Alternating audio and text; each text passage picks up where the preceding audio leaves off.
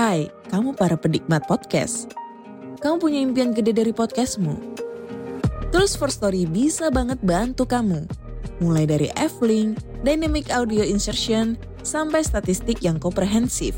Semua ada di First Story. Gak ketinggalan kamu bisa monetisasi podcastmu lewat iklan dari First Story Ads yang bisa kasih kamu penghasilan dari setiap place podcastmu. Yuk gabung sekarang dengan klik di firststory.me. Sekali lagi, klik di firststory.me.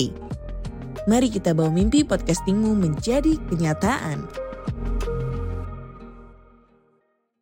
Ada sedikit pertanyaan di kisah Mas Felix yang pertama yang judulnya itu menikah dengan makhluk halus kalau nggak Ya. salah ya videonya ada di atas. Ini dari Aswan Ayub, sepertinya dari Malaysia nih. Pertanyaannya begini nih Mas Felix. Kisah ini kelihatan benar dustanya. Banyak celah dalam penceritaan yang tak logik, akalan sihat. Masa seorang anak mau menikah, ibu bapaknya tidak ikut, malah kawan yang nemenin. Mohon Mang siasat kepada keluarga korban jika benar untuk pengesahan. Minta dia tunjukkan makam kawannya itu. Jadi mungkin intinya kok mau nikah gitu ya tanpa ada wali, Wali orang atau tua. orang tuanya. Jadi bagaimana tuh bisa seperti itu? Nah, gini mang. Sebenarnya orang tuanya itu ikut, ya kan? Cuman kan di pertengahan jalan itu mereka Nyasar. tersasar. Nah, kenapa orang tuanya itu kok nggak balik lagi untuk menghadiri akad nikah? Sedangkan acara akad nikah ini jam 8 Perjanjian dari si orang tua perempuan ini jam 8 Lewat dari jam 8 itu sudah tidak bisa Itu Jadi mungkin karena Doni ini sudah ngebet Nah itu dia Dan saya juga pun tidak mungkin mengecewakan Dan pas ditelepon itu Orang tua dari si Doni ini emang sudah Mewalikan ke kita Jadi terpaksa ya. terpaksa dengan terpaksa Mas Felix kira-kira berani menunjukkan pemakaman tiga Oh saya siap bapak, ibu dan Rini. Dan ini? Rini siap Ada ya masih ada. Ada masih ada sampai sekarang Oke, nah itu sobat jawaban dari Mas Felix. Jadi ternyata memang kuburan itu ada. Betul Baik, terima kasih. Kita lanjut yang berikutnya dari Jelia Jelita. Yang jadi pertanyaan besar, bapak sama adiknya Bang Doni ikut meninggal dengan cara yang sama. Itu bagaimana penjelasannya? Oke, buat terima kasih ya sebelumnya buat yang komentarnya. Kenapa bapak dan adiknya itu ikut meninggal? Jawabannya ya Allahu alam memang ya. Karena kita hidup mati itu pun hanya Allah yang tahu. Entah emang garis matiannya beliau seperti itu ataupun beliau punya riwayat penyakit seperti tersebut. Atau mungkin punya dendam gitu, Mas Felix? Mungkin bisa jadi juga beliau ada dendam Sepertinya sih ada kisah sebelumnya ya. Iya, karena si Doni ini punya kekasih ini emang sebelumnya nggak pernah cerita sama sekali sama saya emang. Dan tiba-tiba itu cerita ya langsung mengajak saya ke tempat si Rini. Yang terakhir nih dari Erna Sari. Oke siap bang. Pertanyaannya begini, apa bisa makhluk gaib bermain teknologi kayak WA, Facebook? Kadang-kadang saya masih mikir dan tidak diterima oleh akal. Tapi apalah daya kalau memang mereka benar-benar ada. Oke, kita sebelum saya menjawab kita ambil contoh satu bang ya. Seperti ada cerita juga itu seorang ojek online itu dengan pesanan tapi di antaranya ternyata hanya ke makam Ya, order ya, order. order fiktif. Nah, Nah, itu. itu. juga berarti itu bisa ya. besar kemungkinannya emang bisa bermain teknologi seperti itu. Baik. Jadi si Doni ini kenal dengan Rini ini sepertinya sudah lama, cuman Mas Felix nggak tahu. iya Mungkin seperti betul. itu ya. Nah, karena orangnya ini sangat apa ya, Mang ya? Dibilangnya itu Tertutup gitu. tertutup sama kawan-kawan kalau masalah soal kekasih karena dia sering gagal terus. Oke. Itu. Nah, sobat MM yang masih ganjelan ingin bertanya, itu jawaban dari Mas Felix ya. Ya, Mudah-mudahan menjadi jelas adanya. Dan kisah ini betul-betul sudah kita verifikasi ke Mas Felix bahwa ini benar-benar kisah nyata. Jadi bukan rekayasa ya. Betul. Dan saatnya kita akan mendengarkan kisah baru dari Mas Felix. Ini terjadi di tahun berapa, Mas? di tahun 2014 2014 ya. Jadi ketika itu Mas Felix mengantarkan teman untuk melakukan ritual, ritual karena Ritual. terlibat utang. iya betul mang Oke, itu di daerah mana itu? itu di daerah kuningan mang Kuningan. betul Oke, baik. Nah, sobat MN, sudah siap? Jangan tidur dulu. Kita akan dengarkan kisah dari Mas Felix. Silakan.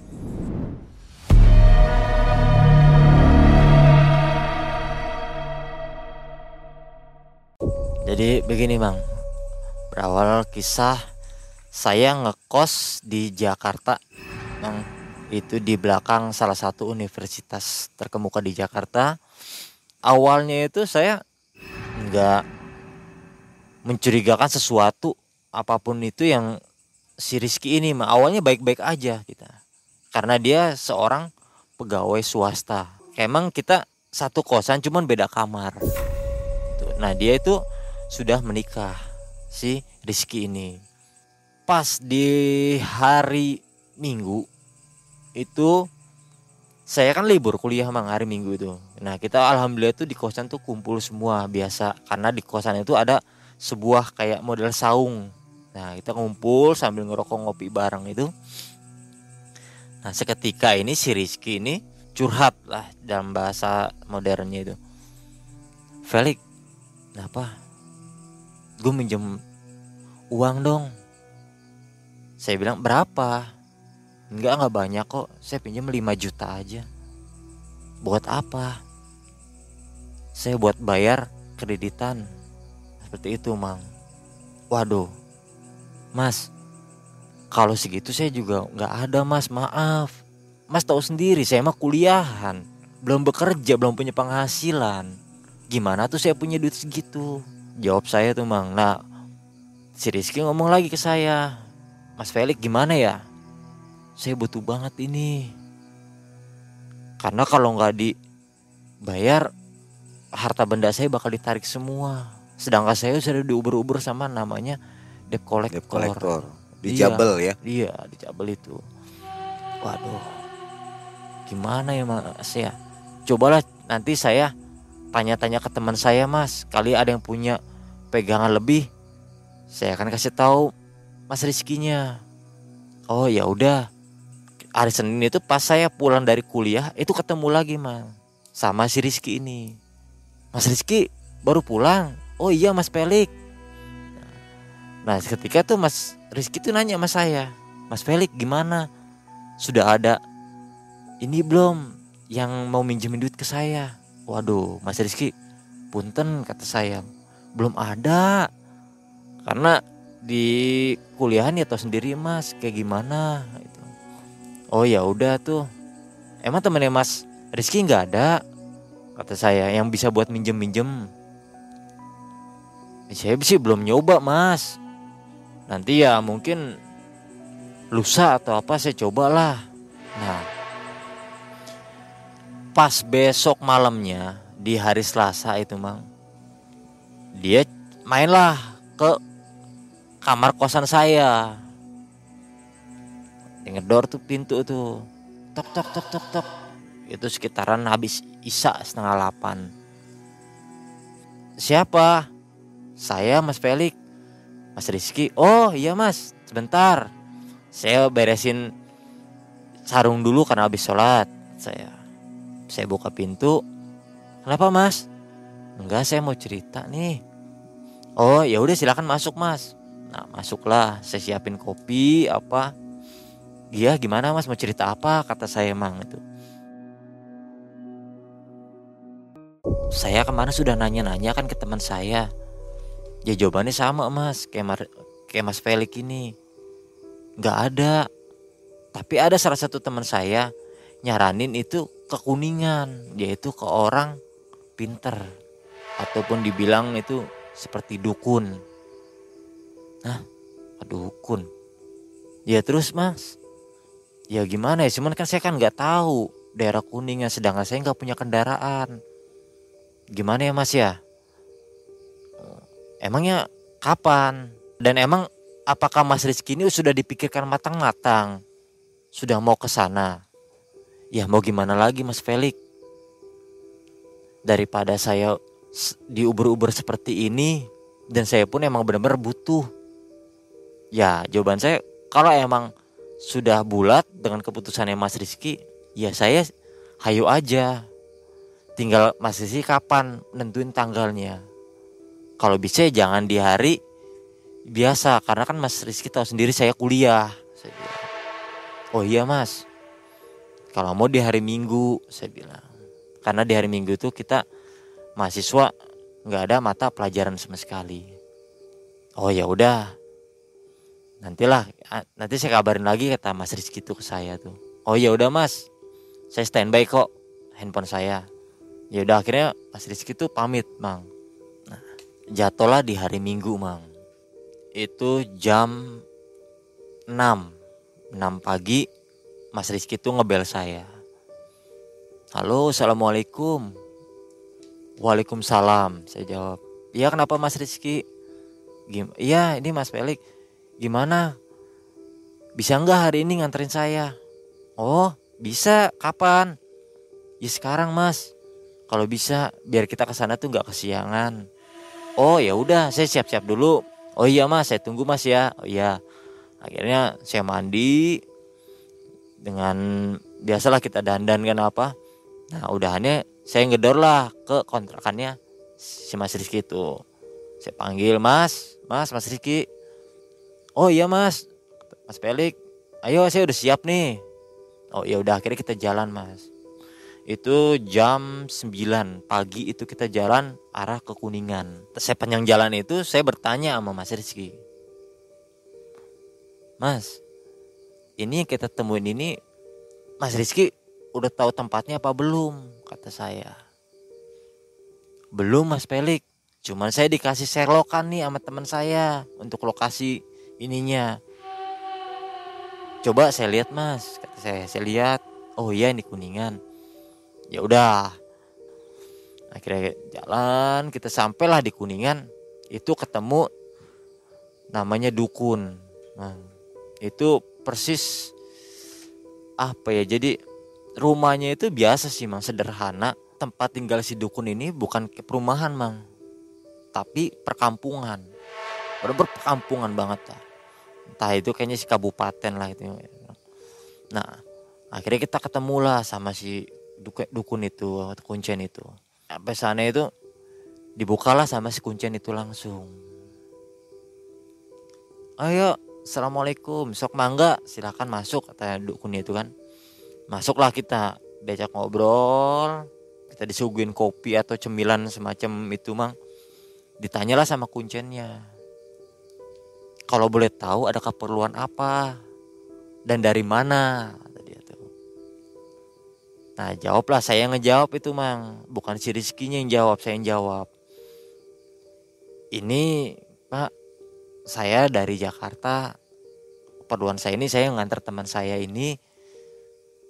Katanya dengar kabar dari kawannya bisa meli apa ya dibilangnya minjem uang. Karena beliau ini terlilit hutang.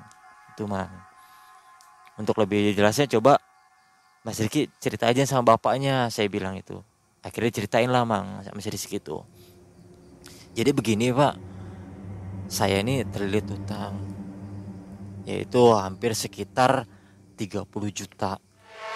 Kok bisa sebanyak itu? Sampai terlilit utang. Nah, si Rizky sambil senyum-senyum tuh mah. Ya biasa lah pak lah namanya kehidupan. Saya juga kan punya kreditan. Yang motor lah yang saya pinjam ke koperasi atau segala macam itu. Dan tanya lagi sama, sama si kuncinya, kamu yakin gak melakukan ritual ini? Nah dijawab oleh si Rizky itu. Insya Allah saya yakin Oke, kalau yakin kamu saya ajak ke tempat cuma nanti jam 12 malam. Waduh. Pak, kalau jam 12 malam sedangkan kita ini masih siang. Ya udah kalau emang si masnya mau istirahat apa silakan sok istirahat di tempat saya. Tuh kata si kuncinya itu kan. Cuman ya ala sekedarnya aja, Mas. Karena saya ya Mas saya tahu di sini kayak gimana Nah akhirnya si Rizky ini jawab Nanyalah ke saya tuh Mas Felix gimana kita mau istirahat di hotel atau kita mau di sini aja ya kalau kata saya sih ya terserah Mas Rizky aja. Kalau saya sih ikut aja Mas. Mau di sini juga nggak apa-apa kata saya kan. Oh ya udah. Di sini aja lah pak kalau emang nggak ngerepotin tuh. Akhirnya kita lah istirahat lah di tempat si kuncen itu mang. Kita belanja makanan ini ini ini, ini segala macem. Tibalah di jam setengah sebelas malam mang itu. Si kuncen nemuin kita itu. Mas mas Rizky oh iya kenapa pak? Maaf nih sebelumnya sebelum ngelakuin ritual. Mas Rizky sudah nyiapin belum untuk sesajen-sesajennya waduh saya belum tahu pak sajennya apa aja yang diperlukan di sini. Ya udah ini saya kasih tahu ya kalau emang Mas Rizky mau beli sendiri silakan atau mau dibeli nama saya silakan. Mumpung masih jam setengah sebelas kata kata Mas Rizkynya ya mungkin. Dengan dia nggak mau ambil pusing bang ya. Jadi ya udahlah pak. Saya titip duit ke bapak aja. Ntar bapak aja yang beliin. Akhirnya dikasih lah kasih kuncen ini sama si Rizky dikasih dibelikanlah. Itu segala macem ya namanya kembang ayam cemani. Terus apa buah jeruk tuh jeruk dewa itu mang? Pokoknya ya sekalian ama kopi-kopi apa menyan itulah dia dibeli semua itu. Tibalah kita di jam 12 malam itu. Mas Rizky udah siap? Kata si kunciannya. Oh udah silakan. Ya kan udah siap kita akhirnya jalan. Diantarlah dengan jalan kaki tuh melewati namanya tuh pematang sawah mang. Tetap lewat pematang sawah itu ada salah satu rumah terbengkalai emang ya kalau saya bilang sih angker lah ya karena serem sih emang di situ. Nggak jauh dari penduduk tapi ya itu kayak rumah terbengkalai gitu dia. Nah, akhirnya kita masuk di situ tuh rumahnya tuh nggak bukan dari bangunan tembok itu mang. Cuman itu dari bilik. Bangunan itu itu ada tiga kamar satu ruang tamu dan satu dapur. Cuman dapurnya itu rada luas dia. Cuman nggak ada penutupnya dapurnya itu. Kebuka begitu ngeblong begitu kan. Nah kita nu masuk. Sebelum si ritual ini kita nih duduklah di dapur mang dikasih tahu lagi sama si kuncen. Mas Rizky sebelum ritual ini saya kasih tahu dulu kata si kunciannya iya anak gimana pak? Pertama Mas Rizky melakukan ritual ini selama tiga jam yaitu sendirian di dalam kamar nanti. Dan kedua nanti apabila emang menerima duit itu bukan Mas Rizky tapi istri dari Mas Rizky yang terima duit ini dan yang ketiga, ritual ini bisa dilakukan sebanyak tiga kali. Itu. Gimana Mas Rizky? Oh, siap Pak, kata Mas Rizky itu. Oh ya udah, kalau emang kuat, ayo saya antar. Akhirnya diantarlah ke kamar mang. Di kamar salah satu kamar itu kamar tengah itu nggak ada pintunya mang. Itu pakai cuman apa ya selimut. Nah duduk kata kuncinya silakan Mas Rizky duduk di sini tapi jangan kabur kata si kuncinya itu tiba nanti tiba-tiba ada yang nongol ataupun nimbul di sini sosok makhluk itu jangan lari katanya oh siapa kata dia akhirnya ditinggal lah nah itu berjalan mang. Itu kita ngobrol sepanjang si Rizky ritual ini. Saya ngobrol sama si kuncen ini mang. Ini sebenarnya kayak kayak gini tuh bisa bener-bener kejadian apa enggak sih pak? Karena saya baru baru kayak baru kali ini nih saya bilang nganterin kayak gini. Mas tenang aja kata si kunciannya udah banyak kok yang seperti ini. Bukan teman mas aja. Udah banyak yang terbukti. Cuman ya dia berhasil enggaknya dia kuat enggaknya ya lihat nanti. Dia perjanjian dia dengan si goib itu. Pas ke jam 2 itu itu bunyi mang. Bunyi kayak apa ya kayak benda jatuh dari atas loteng tuh. Teng. Eh kata saya nanya tuh saya masih kuncian pak itu apa? Kok bunyi kayak gitu di atas iya biasa itu mas. Berarti si makhluknya udah datang. Oh. Tuh saya langsung merinding tuh karena kan apa ya dibilangnya percaya nggak percaya cuman ya takut bang saya tuh. Keluar si Rizky ini. Gimana mas Rizky? Udah berhasil. Dan saya sudah buat perjanjian sama si setan itu. Dia nggak perlu berpuasa nggak perlu apa. Dia hanya cukup nyiapin cemani tiga. Ayam cemani itu minta tiga dia itu aja. Sama telur. Oh ya udah. Kata bapaknya ya syukurlah mas kalau emang masnya berhasil. Udah. Akhirnya kita pulang pas ke tempatnya si kuncen itu tadi mang. Dia sambil jalan itu sambil nelpon istrinya mang. Halo assalamualaikum mah. Iya coba mah lihat itu di lemari udah ada belum? Nah akhirnya dibukalah sama isi istrinya itu mah. Iya pak udah ada. Karena ternyata suami si Rizky sama istrinya ini emang emang udah klop untuk melakukan seperti itu gitu loh. Nah akhirnya muncul oh ya udah mah kalau emang udah ada duitnya dapat berapa mah dihitung lah dihitung. Itu ada 10 juta mah sekalinya dapat satu ritual itu. Akhirnya kita jalan sampai di pendoponya apa rumahnya si bapak itu saya nanya Mas Rizky saya lagi penasaran ya kan emang itu demitnya kayak gimana sih? Kalau namanya kita punya perjanjian kayak gitu bentuknya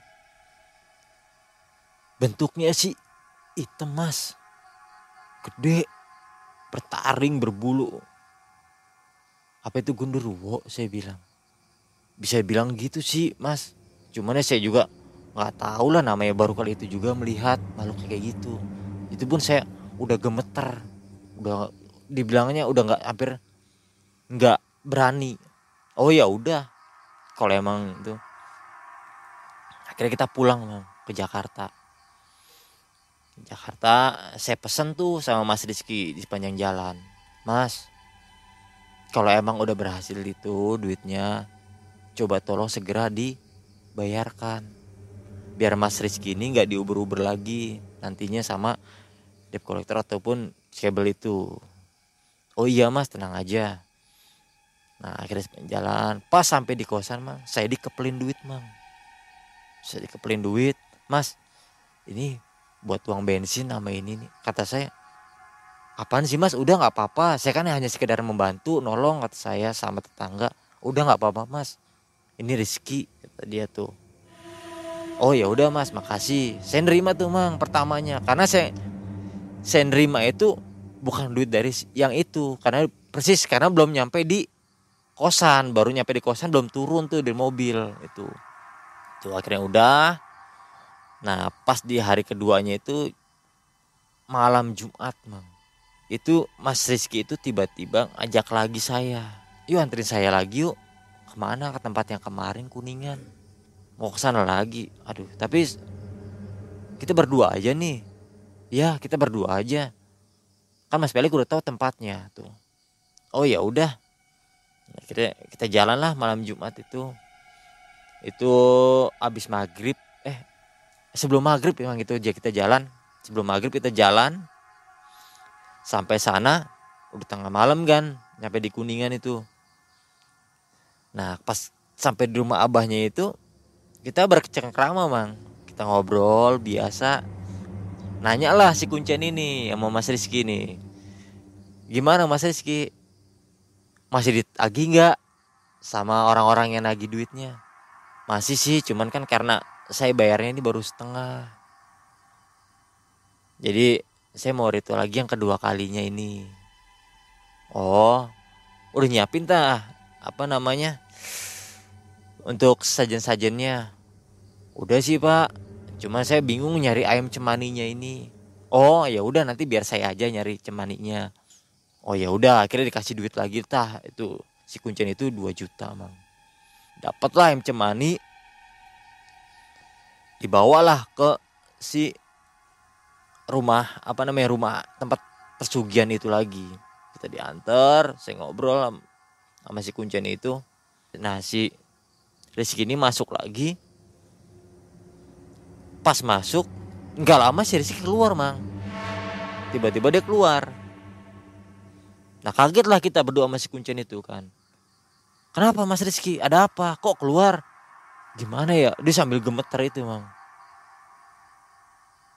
kuat nggak ya saya saya takut nggak kuat mas.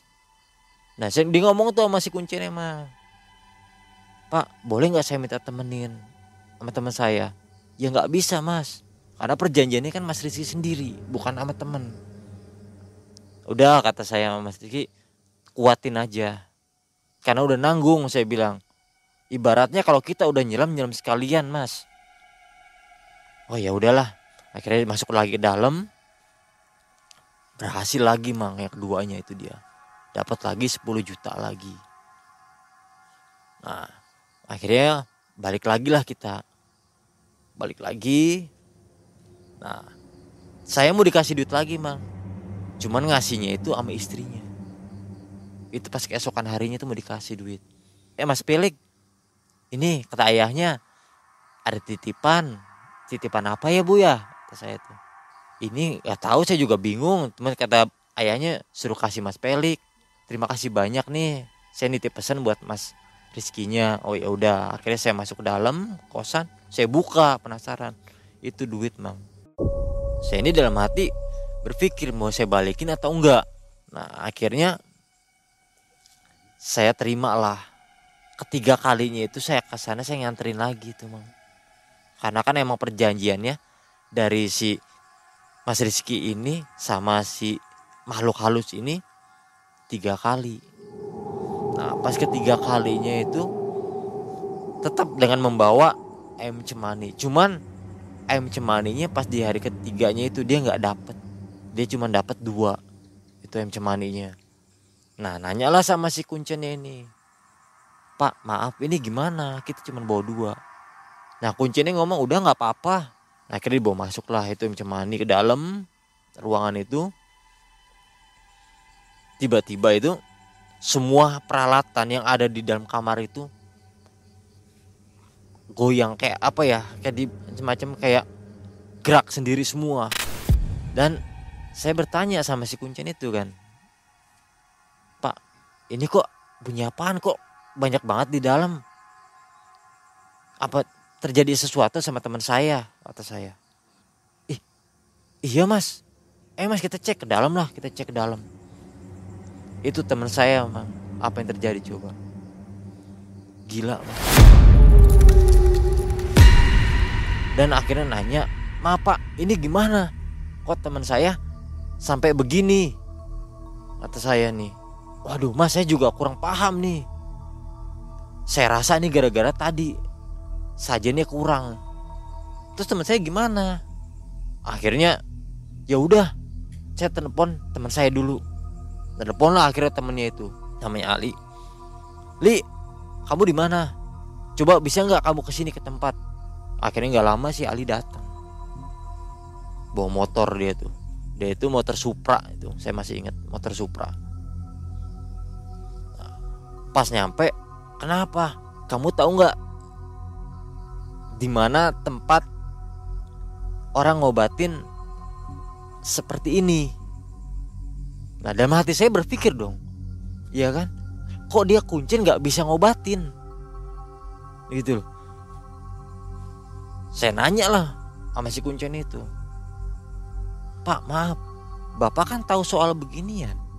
Kok bapak nggak bisa ngobatin? Begini mas, saya tahu cuman kayak begini doang. Kalau masalah kayak ngobatin kayak gini-gini mas saya emang nggak tahu. Saya juga kayak gini mah turun menurun kata dia. Aduh pak kalau nggak tahu mah kenapa harus begini? Terus gimana teman saya ini? Kata saya tuh. Oh ya udah kata si Ali ini. Udah tenang aja mas. Teman mas kita bawa ke salah satu pedepokan di daerah Cirebon dibawa akhirnya ke pedepokan digedor lah di pedepokan itu. Dok dok dok dok. Assalamualaikum. Ya kenapa ah punten ah kata si mas Ali ini nih. Ayah pak Ustadz ada. Kenapa? Enggak ini teman saya stres karena ini ini ini diceritain. Oh ya udah bawa aja ke dalam. Dibawa ke dalam lah ketemu pak Ustadznya ini. Akhirnya di situ mas ini kenapa kejadiannya? Saya ceritakan lah semuanya. Kayak gini gini gini karena dia terkait terlilit utang pak Ustadz. Kayak gini gini nyampe dia berani mengambil sesuatu hal seperti ini. Nah kata pak Ustadznya ya udah ini sih nggak bisa sekali dua kali nyembuhinnya. Dia ini bisa hampir satu tahun ataupun setengah tahun syukur-syukur beliau sudah sembuh lagi. Oh gitu Pak Ustadz? Iya. Karena gini mas dia cerita tuh Pak Ustadz ke saya. Lain kali itu jangan melakukan seperti ini karena nggak baik dan nggak bagus kata dia Pak Ustadz. Ya. iya Pak Ustadz saya paham.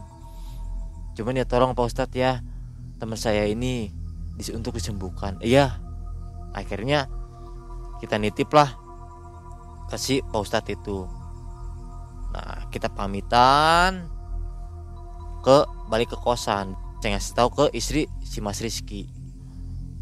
Assalamualaikum. Waalaikumsalam. Mbak Suami saya mana mas? Mbak Saya bilang suami mbak stres. Gila. Dia langsung kaget panik kan istrinya itu Kok bisa mas? Suami saya jadi gila. Emang apa yang terjadi di sana? Nah, Saya bilang lah sama si mbaknya ini. Saya bilang Mbak Sebenarnya sih nggak ada apa-apa Cuman satu mbak kekurangan. Kita kekurangan ayam cemani. Itu kita cuman bawa dua ayam cemani. Dan di pas pertengahan jalan virtual itu Itu terjadi sesuatu. Yang nggak menjadi si Mas Rizky ini seperti ini sekarang. Ya Allah udah tahu kayak begitu kenapa dilanjutin? Kata si istrinya tuh. Saya juga sempat nanya mbak sama si kuncennya. Kata kuncennya juga nggak apa-apa. Nanti itu urusannya mas Rizky sama si makhluk itu katanya. Terus sekarang suami saya di mana? Suami mbak ada di Pedepokan di daerah Cirebon dia sambil nangis kenceng itu kan. Ya Allah mas. Tapi suami saya nggak apa-apa kan? Suami saya nggak apa-apa kan? Nggak apa-apa kata saya itu. Cuma stres mbak. Kayak kehilangan sadaran kesadaran tuh kayak hilang dia tuh. Kayak gila. Kayak kerasa ketakutan. Ya udah anterin saya mas ke sana. Anterin saya ke sana mas. Saya ngomong sama mbaknya kan. Mbak maaf banget seribu kali maaf. Bukan saya nggak mau nganterin mbak. Cuman kalau untuk sekarang saya nganterin ke sana itu nggak bisa. Badan saya capek. Nggak mungkin. Saya juga takutnya ada apa-apa di jalan nantinya. Kalau mau lusa kita ke sana. Padepokan itu. Tapi saya gimana mas? Suami saya? Udah mbak tenang aja.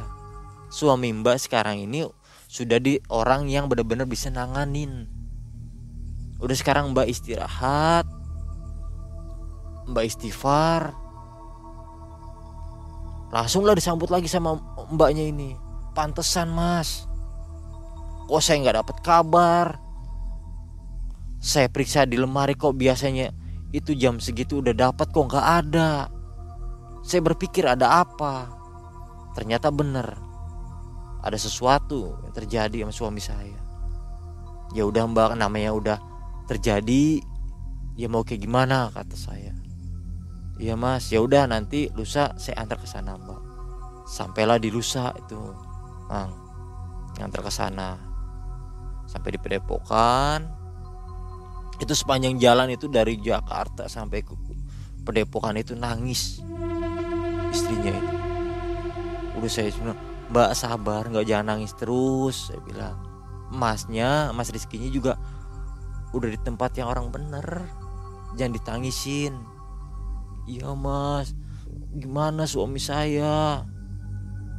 Dalam hati saya ya mau gimana lagi namanya sudah terjadi kan?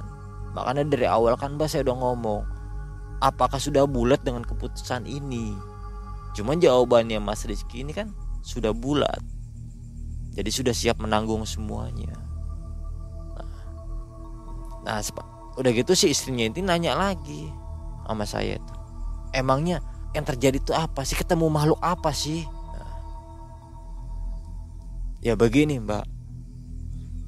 Itu katanya itu makhluk halusnya itu besar tinggi gede berbulu bertaring. Udah tuh akhirnya jalan sampai di pedepokan. Kita ketemulah nama ustadznya.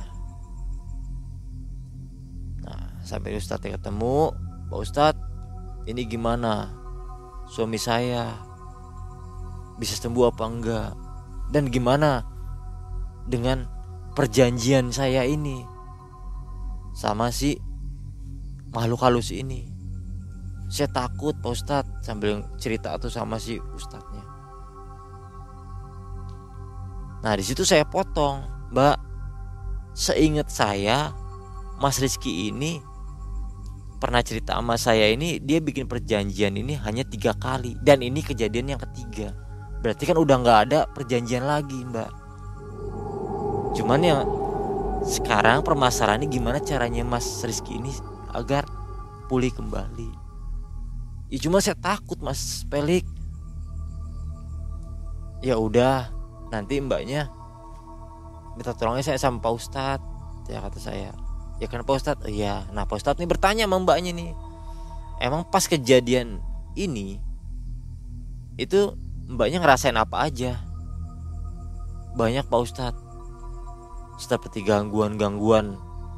Ya seperti bayangan. Rumah saya ada yang gedor-gedor. Itu banyak banget Pak Ustadz. Kadang-kadang ada suara anak ayam di dalam kamar saya oh ya udah. Nah akhirnya nanti mbak ikut saya untuk membersihkan badan mbak dari semua makhluk-makhluk itu. Akhirnya mbaknya itu diajak lah sama postadnya itu ke suatu apa mang dibilang itu kayak suatu sumur lah pemandian. Akhirnya dimandiin lah di situ dia dengan air kembang dibacain apa-apa itu. Agar biar tidak apa ya, diganggu lagi sama makhluk-makhluk itu oh ya udah akhirnya pas habis melakukan pemandian semuanya disuruh sholat dulu mah istrinya itu ya udah mbak sekarang sholat dulu. Sehabis sholat nanti mbaknya kita makan dulu habis makan baru kita ketemu sama suami mbak. Oh ya gitu gitu. Ya udah pak ustad akhirnya udahlah kita habis mbaknya mandi itu kita lakukan sholat berjamaah di masjid atau bukan masjid sih deh kalau dibilang musola kecil ya musola kecil gitu sih. Hanya cukup berapa orang doang. Habis sholat itu kita di, makan ditawarin makan sama pak ustadznya. Kita makan habis makan itu si mbaknya ini udah tergesa-gesa mang. Udah minta ayo pak ustadz buruan saya pengen ketemu saya pengen ketemu sama suami saya iya mbak. Nanti kita ketemu kita sekarang makan dulu aja. Nah istrinya ini makan ini buru-buru cuma nyampe nggak habis mang. Itu nasinya nyampe nggak habis karena saking paniknya pengen ketemu si ini si suaminya. Akhirnya ya udah diantarlah ke suaminya. Dan ketemu akhirnya ketemu suaminya itu yang terjadi itu makin kejer mang. Nangis istrinya itu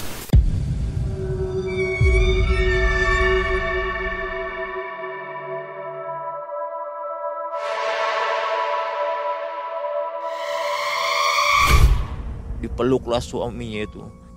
Cuman suaminya malah nolak mang. Nolak istrinya. Cuman nolaknya itu kayak orang ketakutan. Saya nggak mau saya nggak mau saya nggak mau kayak begitu. Akhirnya akhirnya pegangin lah si mbaknya. Mbak yang sabar. Karena ini si masnya Rizky ini dalam pemulihan. Karena baru beberapa hari masih dalam keadaan seperti ini rasa ketakutan. Akhirnya diminta tolong lagi ke Pak Ustadznya itu Pak Ustadz tolonglah suami saya.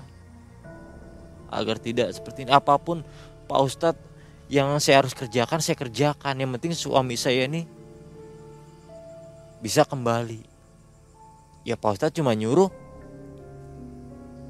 kalau bisa mbaknya ini lebih mendekatkan diri sama yang di atas. Dan kalau punya rezeki lebih mbaknya tolong beramal ke yayasan-yayasan yatim piatu ataupun panti jompo. Oh itu aja Pak Ustadz? Ya itu aja. Insya Allah kembali pulih lagi seperti semula asalkan banyak ikhlas melakukannya. Baiklah Pak Ustadz kalau emang itu mulai besok saya akan jalankan. Nah akhirnya saya pamitan pulang tuh. Nah si mbaknya ini nggak mau pulang mang. Masih mau di situ kata saya. Mbak ayo pulang. Gak mau mas Pelik Saya mau di sini aja. Gak bisa mbak. Ini rumah orang Padepokan orang. Kita harus pulang. Nah dia ngomong sama ustadznya. Pak ustadz saya boleh kan di sini? Buat nemenin suami saya. Kata Pak ustadznya Mbak maaf. Gak bisa. Gimana mau sembuh nanti suaminya Kalau mbaknya juga di sini kitanya nggak bisa fokus untuk menyembuhkan suami mbak. Akhirnya ya dengan rasa ininya dia apa namanya kecewanya dia ya akhirnya kita pulang. Akhirnya kita pamitan sama si ustadznya. Pak Ustadz ya udah kita pamit.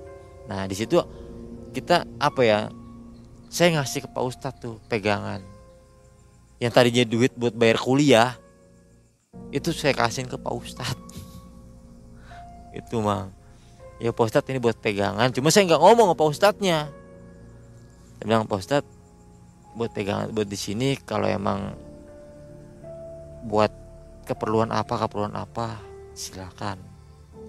Oh terima kasih banyak Pak Ustadz bilang. Udah akhirnya kita pamitan pulang saya dengarkan dari kisah ini tumbal itu selalu ada ya Ada, sebenarnya.